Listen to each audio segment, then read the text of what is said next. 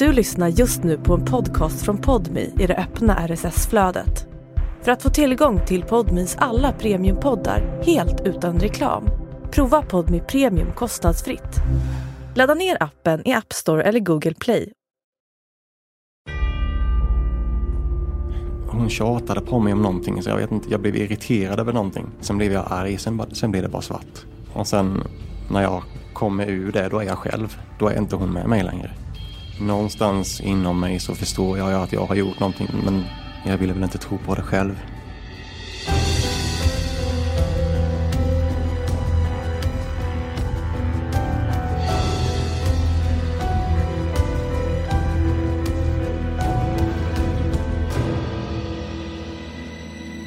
Du lyssnar på Bakom galler, en exklusiv Podmi-produktion där Hanna Engberg och jag, Eva-Lisa Wallin, träffar människor som mördat eller begått andra grova brott.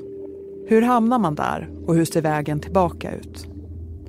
I dagens avsnitt intervjuas Andreas, som egentligen heter något annat. Han har suttit 16 år på rättspsyk för att ha dödat sin egen treåriga dotter. Ett brott som är mycket svårt att förstå. Andreas väljer nu att för första gången ge en intervju trots att skulden, skammen och sorgen är enorm. Vi vill varna för starkt innehåll. Varför vill du vara med och prata om det här väldigt jobbiga? För att jag tror att det kan hjälpa väldigt många att förstå. För oftast så har människor bara sett mig och min gärning. Och jag kan ju säga att hade jag tänkt så om någon annan så hade jag ju tänkt samma sak som dem. Utan tvekan. Men jag tror det är väldigt viktigt att, att få fram bakgrunden. Vad som föranledde alltihop. Och vad ska man göra med den kunskapen tänker du? Ja, jag kanske kan hjälpa andra. För om andra som kanske är i en liknande situation som mig hör detta, då har jag bara en sak att säga. Sök hjälp innan det går lika illa som mig. Pappan berättade att han dödade flickan för att hon var ett hinder för hans sambo. Sambon kunde enligt pappan inte acceptera att han hade ett barn med en annan kvinna. Och tidigt i deras relation började hon prata om att barnet var ett problem som måste bort. Sommaren 2003 har Andreas inte träffat sin dotter på tio månader. Hon är fosterhemsplacerad hos hans föräldrar.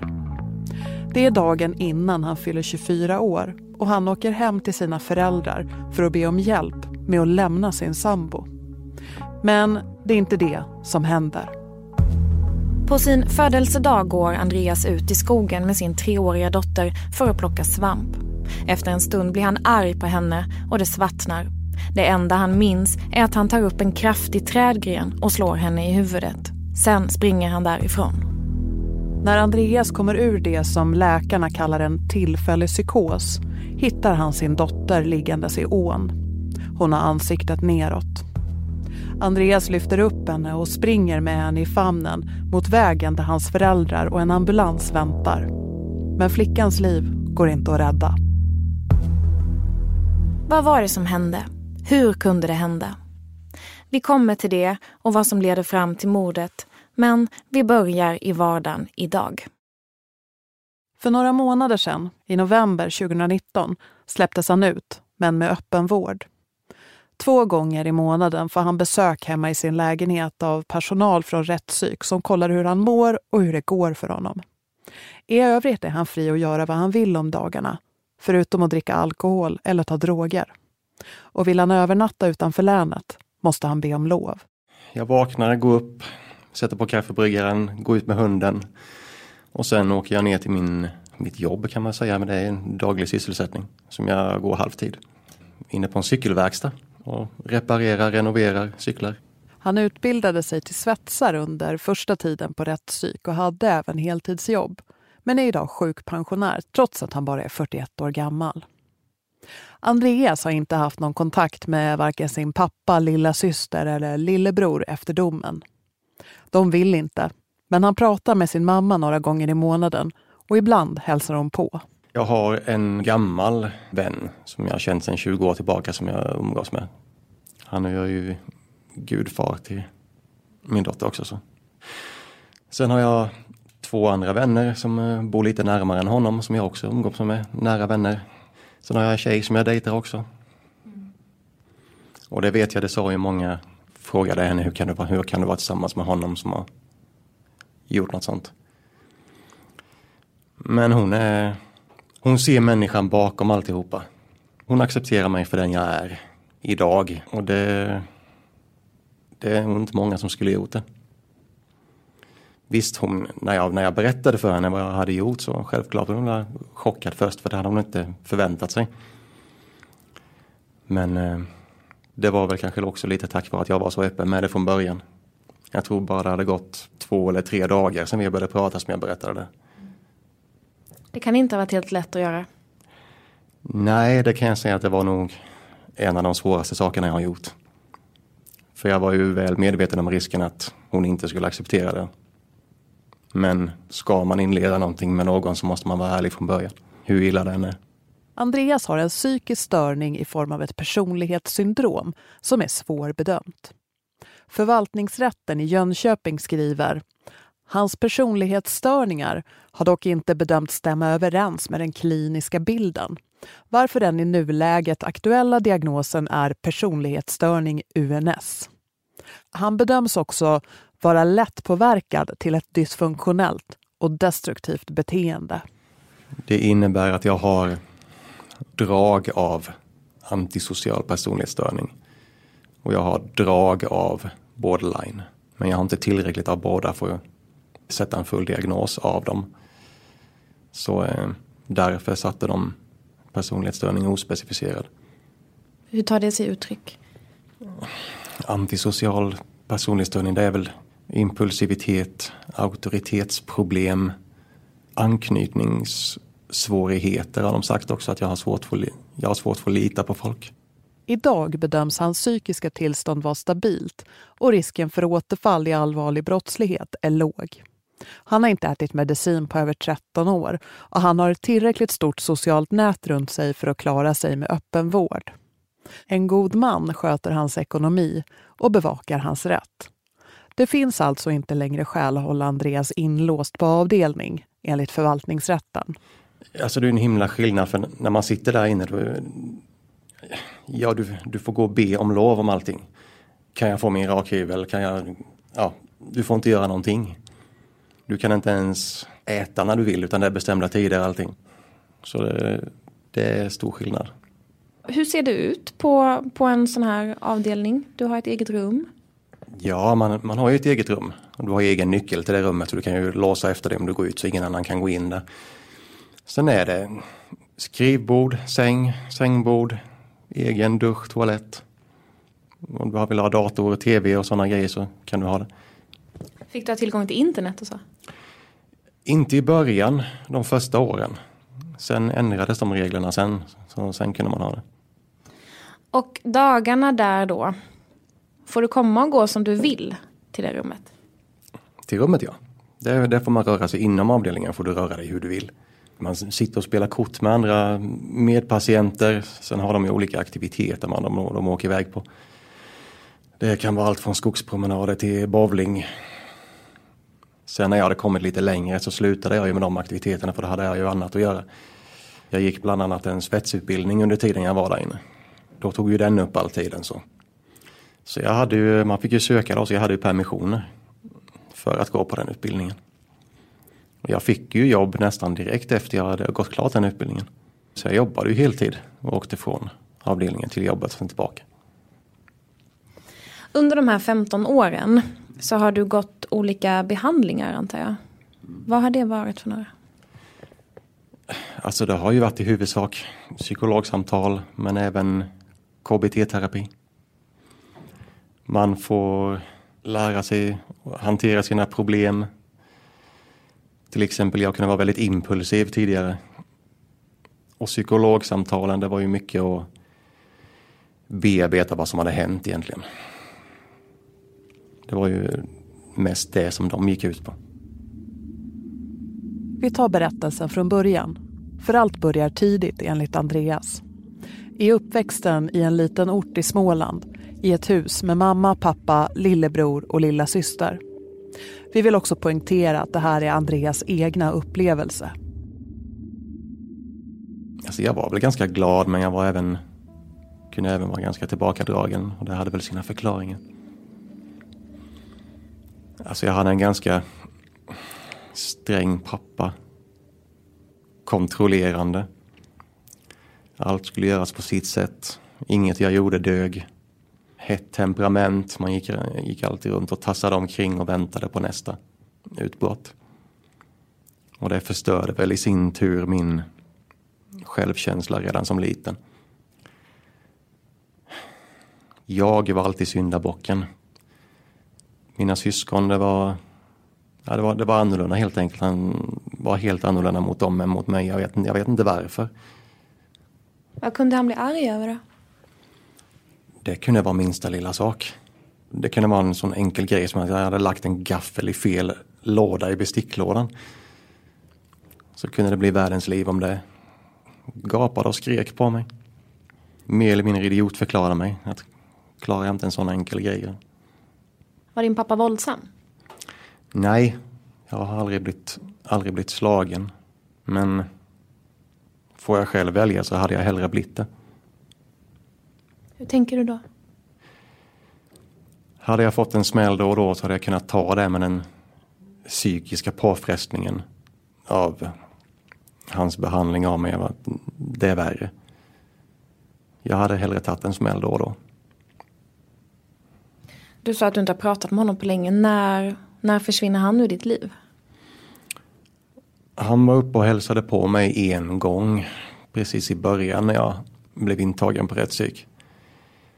Och sen sa han att han skulle komma tillbaka, han skulle höra av sig, sen har jag inte hört någonting. Jag provade att ringa honom ett par gånger och pratade med honom och ja, han sa att han skulle ringa tillbaka då med men han hörde aldrig av sig. Till slut tröttnade jag på att försöka jaga honom hela tiden. Utan vill han inte då, ja, då får det vara. Hur var det i skolan för dig då?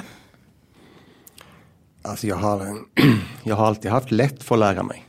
Däremot så kanske inte intresset har funnits för jag har alltid hatat skolan. Men jag har aldrig haft svårt för det om jag bara, om jag bara försökte. Hur hade du det med kompisar och så?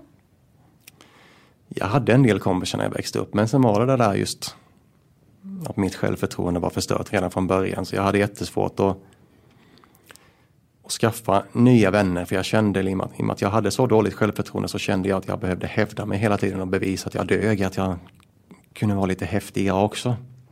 Och då blev det att jag, hit, ja, jag hittade på dumheter helt enkelt för att imponera på dem. Och det var ju inte den bästa tillvägagångssättet men jag var sån när jag var liten. Vad var det du gjorde då, då för att impa? Det kunde vara dumheter, skolka från skolan och så små hyss. Den här dåliga självkänslan som du beskriver att du hade, hur tog den sig uttryck i dig? Ja, det, det kunde räcka med att jag fick en negativ kommentar, att någon sa något negativt om mig. Det kunde förstöra mig i flera dagar. För då kom ju åter det här att ja, jag duger inte. Hur förstörde det dig? På vilket sätt? Jag blev tillbakadragen, jag drog mig undan. När jag kände att jag inte dög då ville jag bara vara i fred. Jag kunde ligga och läsa böcker, ligga och lyssna på musik men som sagt, ja, då, jag ville bara vara i fred. Under hela högstadiet och upp i gymnasiet blir Andreas mobbad. Han går på ett naturbruksgymnasium och planen är att jobba på sina släktingars gård. Men så blir det inte. På skolan träffar Andreas en tjej. De blir kära och sen gravida. Herregud, hur ska det här gå? var väl min första tanke. Så vi flyttar ju ihop då sen. Eller rättare sagt, jag, jag hoppar av utbildningen och börjar jobba istället. När jag fick reda på att hon var gravid då, för det skulle ju aldrig gå, gå i skolan samtidigt. Så. Och sen så föds hon. Hur kändes det då? Alltså det kändes bra då. Det var, det var ju bara, det var nog mer att jag var rädd i början för jag visste inte hur allting skulle gå. Men sen, eh, alltså herregud, jag älskade den här lilla tjejen över, över allt annat. Så jag menade, då kändes det bara bra. Dottern föds hösten 1999. Mamman drabbas av en lättare amningspsykos och de unga föräldrarna får besök av en så kallad hemterapeut eftersom de behöver stöd i föräldrarollen enligt tingsrättsdomen. Hon säger att flickan är väl omhändertagen, att Andreas är en bra pappa. Hösten 2001 gifter de sig. Men efter några månader vill mamman separera från Andreas. Han får huvudansvaret för flickan, men vårdnaden är gemensam. Mamman mår dåligt och känner inte att hon kan ta hand om barnet. Ja, vi gjorde ju allt. Det var allt från att gå ut med hundarna till att bara helt enkelt springa omkring och busa hemma. Sen var vi ofta över hos min, eh, ja, min gamla barndomskompis som jag pratade om innan. Han bodde precis mitt emot över gatan. Så vi var ju ofta, ofta in hos honom. Men sen hamnar den här flickan hos dina föräldrar. Hon blir fosterhemsplacerad där. Mm. Vad är det som händer? Nej, det är alltså jag. Jag känner att jag jag var väl inne i en dålig period med. Jag kände att jag klarade inte av att ta det själv. Och då erbjöd sig mamma, eller rättare sagt, nej, min dotters mamma pratade med min mamma och bad henne att de frågade om, hon kunde, om de kunde ta hand om henne. Och då frågade mamma mig ifall det var okej. Okay. Och jag sa att ja, det är det, för jag känner att jag, jag klarar inte av det själv. På vilket sätt var det svårt att vara eh, förälder? Ekonomiskt, hade inget jobb. Sen som sagt, jag mådde inte så bra heller. Själv med allting. Man visste inte hur allting skulle bli. Var iväg överallt och söka jobb samtidigt, för jag kunde inte ha med henne överallt. Jag hade ju dåligt med pengar så jag hade inte ens knappt råd att ha henne på dagis. Så jag hade ju henne hemma hela tiden. Så det, tiden räckte inte till. Jag kände det att hon var hos min mamma där hon fick hon det bättre än hos mig. Och sen träffar du en annan som du börjar leva med. Tyvärr. Men ni, ni blev förälskade i varandra eller? Ja, om man nu kan kalla det för det. Men ja. Mm. Genom en kompis träffar Andreas en tjej som vi här i Bakom galler kallar Malin. De blir tillsammans direkt och det tar inte lång tid innan de flyttar ihop. Och det är ju först då jag märker i princip hurdan hon är egentligen. Ja, man skulle kunna jämföra henne lite med min pappa. Ingenting man gjorde dög. I den här vevan visar det sig att Andreas skilsmässa från dotterns mamma inte är helt klar juridiskt. Och då tog det ju hus i helvete och sen, alltså, sen dess så utvecklade hon en slags hat mot min familj, alltså alla i min familj. Jag förstår inte än idag varför. Men eh, där vände alltihopa och sen dess så var jag bara värdelös. Jag dög ingenting till. Jag ful, jag var äcklig och jag vet inte allt jag fick höra. Och det, det eskalerade ju till så det blev ju värre och värre. Knivskar mig i armen, kastade grejer i huvudet så jag hade stora blåtiror. Bland annat. Till slut så trodde jag på det själv att jag var värdelös. Jag var så långt ner i depressionen då så jag, jag hade inte ork att ta mig därifrån. Jag vet inte, hon, hon, hon avskärmade mig från allt och alla. Och de jag hade umgåtts med innan de sa ju till mig att jag kunde inte vara kvar där. Men som sagt, jag kunde inte ta mig därifrån. Jag blev ju en helt annan person. Depression säger du. Hur mådde du då vid den här tidpunkten? Det är väl, vad är det, 2003, våren, sommaren? Jag har aldrig mått så dåligt i hela mitt liv. Jag åt knappt ingenting, jag sov knappt ingenting. Om man säger som så här, normal, normalt sett så väger jag väl mellan 75 och 80 kilo. Jag tror jag vägde 65 kilo. Det fanns knappt inget kvar av mig. Och det gick så långt att jag började ta droger bara för att få må bra stundvis. Vad var det för droger då? Amfetamin. Men även diverse tabletter också. Andreas berättelse stöds av vittnesmål i rätten. Både vänner till paret och anhöriga till var och en av dem säger att hon misshandlar honom fysiskt och psykiskt. Ett vittne hör Malin kalla flickan för saken. Andreas bryter med sin familj och med sin dotter för att slippa slagen och glåporden, säger han. Han gör till och med ett faderskapstest och enligt ett vittne säger Malin att hon ska göra sig olycklig om han är pappan. Men det visade sig att hon, hon var ju min. Och då var det också en grej när hon fick, fick, det, fick det beskedet hem. Då tog det också hus i helvete. Det var ett jäkla liv. För hon då hade ju önskat att det inte var så. Tvivlade du någonsin på det? Nej, alltså det var ju bara att titta på foton. Det var ju som att kolla på en spegelbild av mig själv. Hur gick dina tankar när du inte träffade henne under den tiden hon var hos dina föräldrar? Var... Alltså jag, jag mådde så dåligt vid den tidpunkten så jag, jag hade fullt upp med att försöka hålla huvudet själv ovanför, ovanför ytan så att säga. Men visst tänkte jag på henne hela tiden men jag försökte hålla mig själv flytande just då. och där all min kraft gick åt till att just, just göra det. Andreas hävdar att sambon ofta säger till honom att hans dotter måste dö. Slutligen tänkte han att det vore bäst att göra som hon Hey, I'm Ryan Reynolds. Recently, I asked Mint Mobile's legal team if big wireless companies are allowed to raise prices due to inflation. They said yes. And then when I asked if raising prices technically violates those onerous two-year contracts, they said, "What the f*** are you talking about? You insane Hollywood ass." So to recap, we're cutting the price of Mint Unlimited from $30 a month to just $15 a month. Give it a try at mintmobile.com slash switch. $45 upfront for three months plus taxes and fees. Promo rate for new customers for limited time. Unlimited more than 40 gigabytes per month. Slows. Full terms at mintmobile.com. hon ville, för då kanske han kan få lugn och ro. Under den här tiden söker Andreas hjälp i öppen psykiatrin och får sömntabletter och samtalsstöd. Men det är inget som han tycker hjälper. Försök, försökte även faktiskt ta livet av mig en gång. Men jag hade inte tillräckligt med tabletter hemma. Så det gick inte.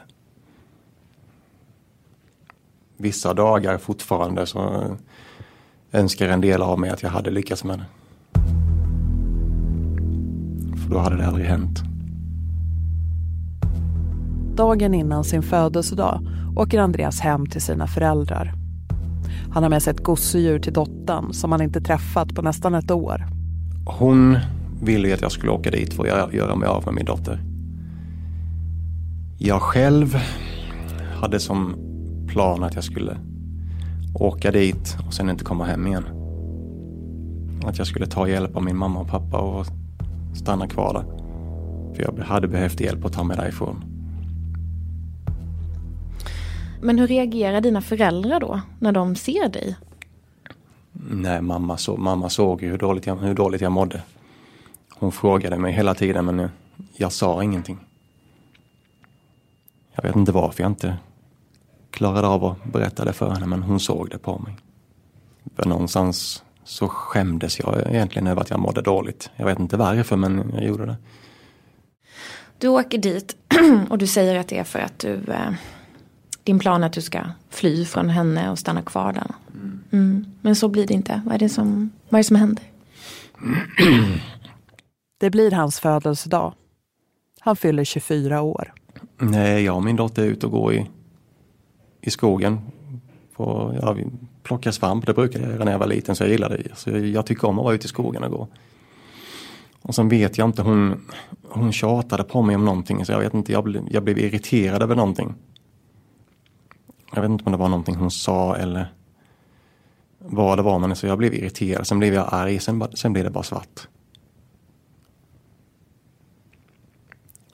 Och sen när jag kommer ur det, då är jag själv. Då är inte hon med mig längre. Och någonstans inom mig så förstår jag att jag har gjort någonting i och med att det, men ja, jag ville väl inte tro på det själv. Så jag springer ju iväg och letar efter henne. Jag ringer mamma och hon, hon kommer ner i full panik. Och Sen hittar jag ju henne, hon låg ju i ån där då, så jag hoppar, ju, hoppar i och ja, drar upp henne därifrån och springer upp med henne till vägen. Mamma och pappa och mina, min syster och hennes pojkvän kommer ju ner. Det är full panik och ja.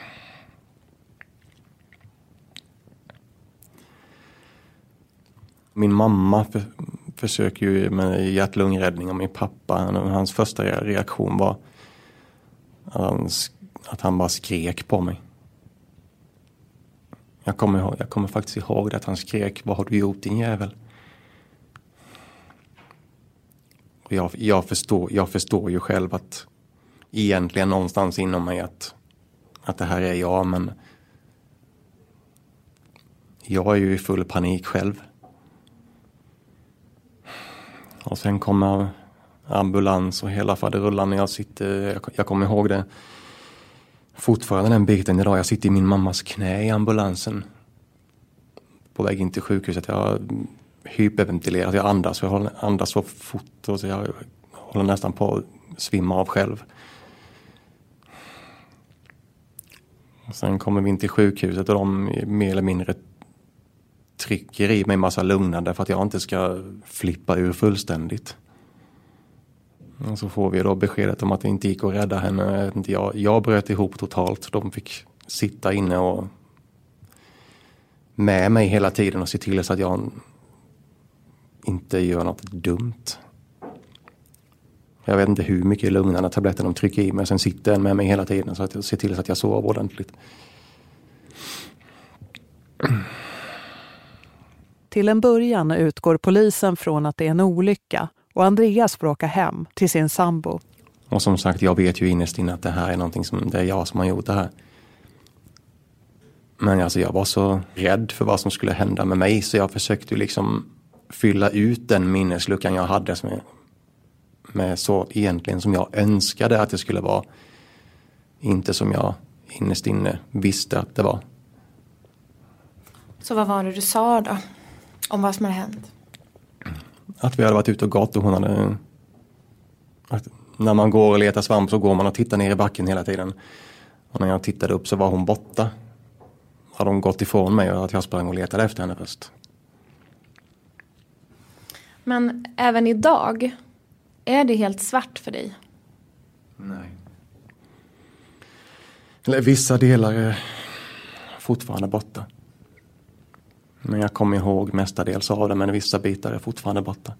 Jag önskar att jag inte kom ihåg det.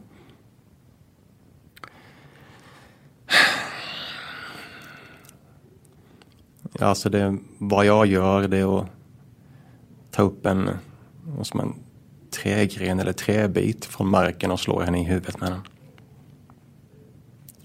Och sen kommer jag ihåg att direkt efteråt så slänger jag bara iväg den och springer därifrån.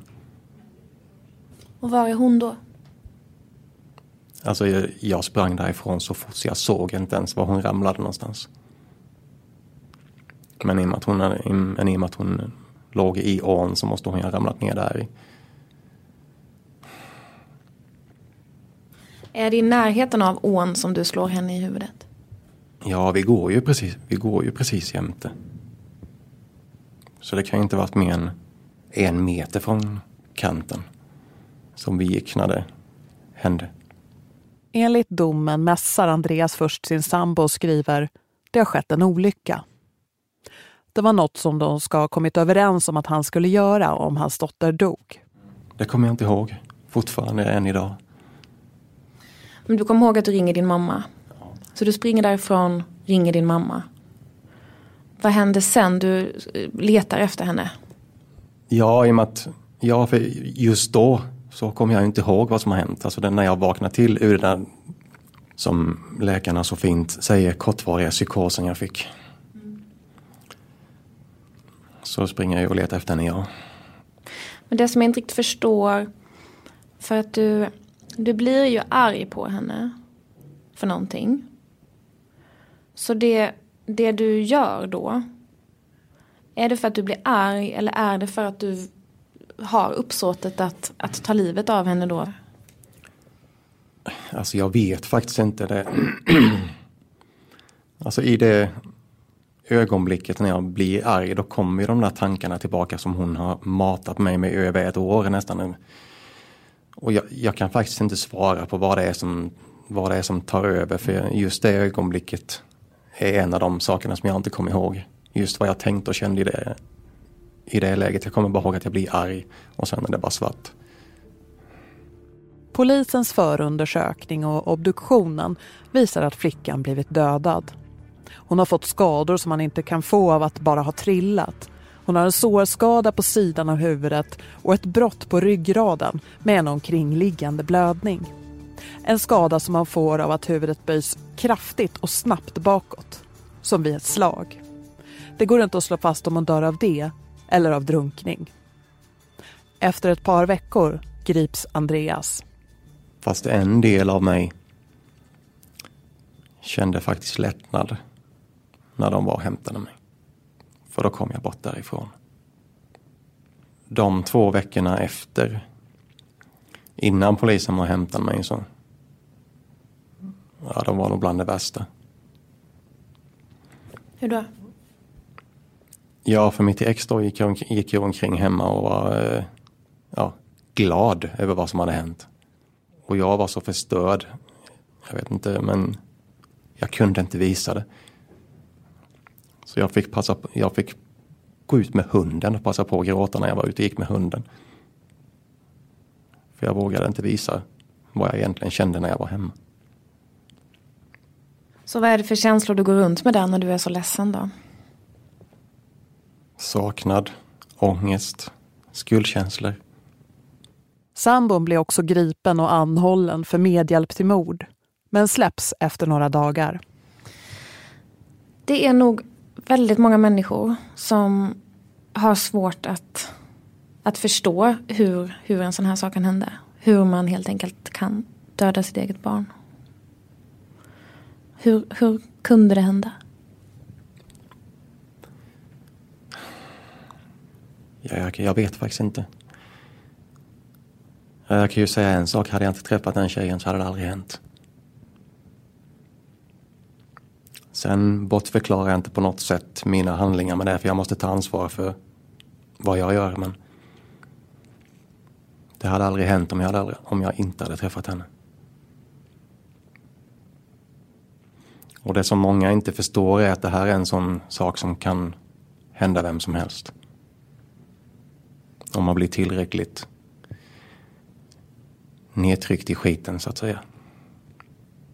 Det är det som många inte tänker på.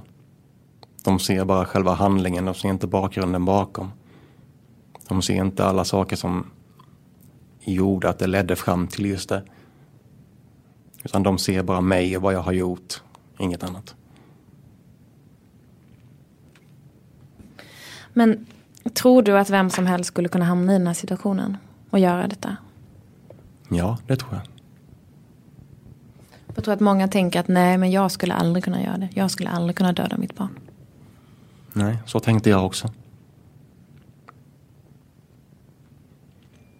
Men vem som helst, om de blir driven tillräckligt långt, är kapabel till det. Jag tänkte också samma sak, att något sånt skulle jag aldrig kunna göra.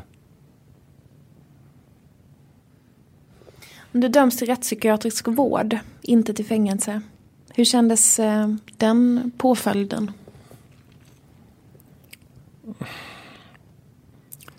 Alltså jag vet inte riktigt. Jag en del av mig kanske, kanske tyckte att det kanske är den hjälpen jag behöver. På ett sätt var det nog bra att jag fick det istället. I fängelse hade jag ju inte fått den hjälpen som jag har fått under de åren inne på rättspsyk. Det hade jag ju aldrig fått. Att döda sitt barn kallas filicid. Riskfaktorer är allvarlig psykiatrisk sjukdom som depression, psykos eller personlighetsstörning enligt en ny studie från Karolinska institutet. I början av 2004 döms Andreas för mord, mot sitt nekande, till rättspsykiatrisk vård med särskild utskrivningsprövning. Han anses då lida av en citat allvarlig psykisk störning vid tidpunkten för brottet i form av tillfälligt tillstånd av psykotisk karaktär. Slut citat. Det här enligt Socialstyrelsens rättsliga råd. Den allvarliga psykiska störningen består också av depression och självmordsrisk. Efter knappt två år med medicinsk och terapeutisk behandling erkänner Andreas mordet på sin dotter. Alltså först är det bara inledningsvis är det bara att jag drömmer mardrömmar om det. Men sen vissa saker när jag pratade inne, när jag pratade inne på terapin helt enkelt. När vi berörde vissa ämnen så kom det tillbaka gradvis. Bit för bit. Men är det en terapeut som, som hjälper dig och som lite grann konfronterar dig med att du kanske ska börja tänka på att det kan vara du som har gjort det här? Ja, det var det. Han pressade mig ganska hårt vissa, vissa dagar. Och det, det, vet jag ju nu att det var ju för min skull han gjorde det. Så, så då gjorde jag valet faktiskt att kontakta polisen och berätta att jag kommer ihåg vad som hände nu så jag, nu kan jag prata mer. Och varför gör du det? Bara för att du kommer ihåg behöver du ju inte ringa och säga det till polisen egentligen. Nej, men eh, dels för att jag tycker att mitt ex då har också en hand med i det här och också medskyldig till det här. För som sagt, det hade aldrig, aldrig hänt om jag inte hade träffat henne om inte hon hade gjort som hon gjorde mot mig. Så jag tyckte faktiskt att ansvaret ligger hos henne också. Hon ska, ska ta sin del av ansvaret. Och sen en, en del av det var också att även om inte jag har någon kontakt med min dotters mamma så tycker jag att de, tyckte jag att de förtjänade att få reda på exakt vad som hade hänt för det kunde inte jag berätta tidigare. Så att de kunde få någon slags avslut också. Under tiden på rättspsyk har hans ex Malin dömts till fängelse för att ha knivskurit sin dåvarande pojkvän. Och 2010 döms hon i tingsrätten för anstiftan till mord på Andreas dotter och får tio års fängelse. I tingsrättsdomen står det att Andreas, citat, aldrig hade mördat sin dotter om inte Malin uppmanat honom till det. Han var psykiskt instabil och nedbruten av hennes påtryckningar om att han måste göra sig av med sitt gamla liv. Slutcitat. Men domen överklagas och hovrätten friar Malin med motiveringen att det som framkommer i målet visserligen är besvärande för henne men utgör sammantaget inte tillräckliga skäl för en fällande dom. Hovrätten anser inte heller att Andreas är tillförlitlig med tanke på att han led av en allvarlig psykisk störning vid tidpunkten för mordet och att han tidigare lämnat vaga uppgifter. Um, du säger hela tiden att du tar ditt ansvar men samtidigt här hade inte hänt om inte hon hade påverkat mig. Men jag kan, jag kan bara gå till mig själv och tänka så här. Även om någon skulle liksom bryta ner mig jag, jag fick barn ganska nyligen. Och det är klart att jag nu då inför det här har liksom tänkt efter. Om jag hamnar i den här situationen. Så tänker jag så här, nej men jag, nej. Det där skulle jag inte göra. Som jag sa tidigare så tänkte jag också. Att det, det där skulle jag aldrig kunna göra. Jag tänkte också så. Idag, efter 16 år på rättspsyk, lider Andreas inte längre av en allvarlig psykisk störning och risken för återfall i brott är låg enligt vården. Han har en son med en kvinna som han träffar under en permission och de var tillsammans under några år. Idag är hans son 12 år och vill inte träffa Andreas. Han vet vad hans pappa har gjort. Hur känns det? Nej, det är jättejobbigt men för jag vill ju träffa honom men det måste ju vara på hans villkor. Kan, man kan inte tvinga på det. Men det, det, finns fortfarande gott om tid att ha en relation med honom. Så det, men det får vara på hans villkor. Vad har du för relation till mamman till, det, till honom? Nej, vi har en bra relation. Alltså, vi, är, vi är bra vänner. Vi pratar ibland till och från. Så. Hur är din relation till eh, din dotters mamma? Finns ingen. Hon hatar mig över allt annat. Med all rätt. Idag skulle din dotter varit 21 år. Hon skulle ha fyllt 21 i år i november. Mm. Vad tänker du kring det? Jag tänker mycket på hur hon skulle varit idag, hur hon skulle sett ut, vad hon skulle gjort, vad hon skulle gått för skola, utbildning, vad hon skulle jobbat med. Alltså det är sådana grejer som man går och tänker på nästan i princip dagligen. Vissa dagar mer än andra. Hur är det att leva med det här som du har gjort? Det är inte lätt. När det är riktigt dåligt så tänker jag väl att jag förtjänar inte att vara ute i friheten som jag är nu. Jag, kan, jag förtjänar egentligen att vara inlåst. Jag förtjänar inte att finna någon slags lycka i livet längre. Inte efter vad jag har gjort. Det är ganska ofta det känns så. Hur ser du på framtiden? Ja, jag hoppas ju att den tjejen jag träffar just nu, att vi kan bygga upp ett liv tillsammans.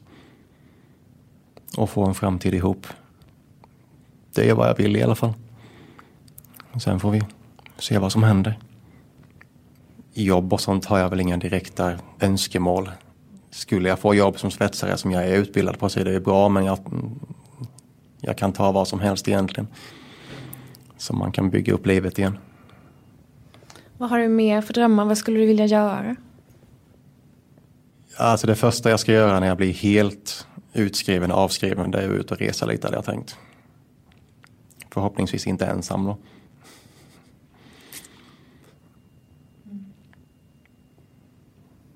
Hur mår du nu?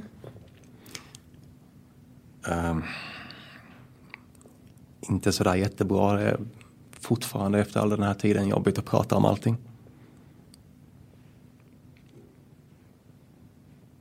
Nu kan ju inte de som hör detta se det men jag tror det syns på mig. Att det fortfarande är jobbigt att prata om. Dina läppar darrar och du eh, har haft tårar i ögonen under ungefär hela intervjun. Syns det så väl?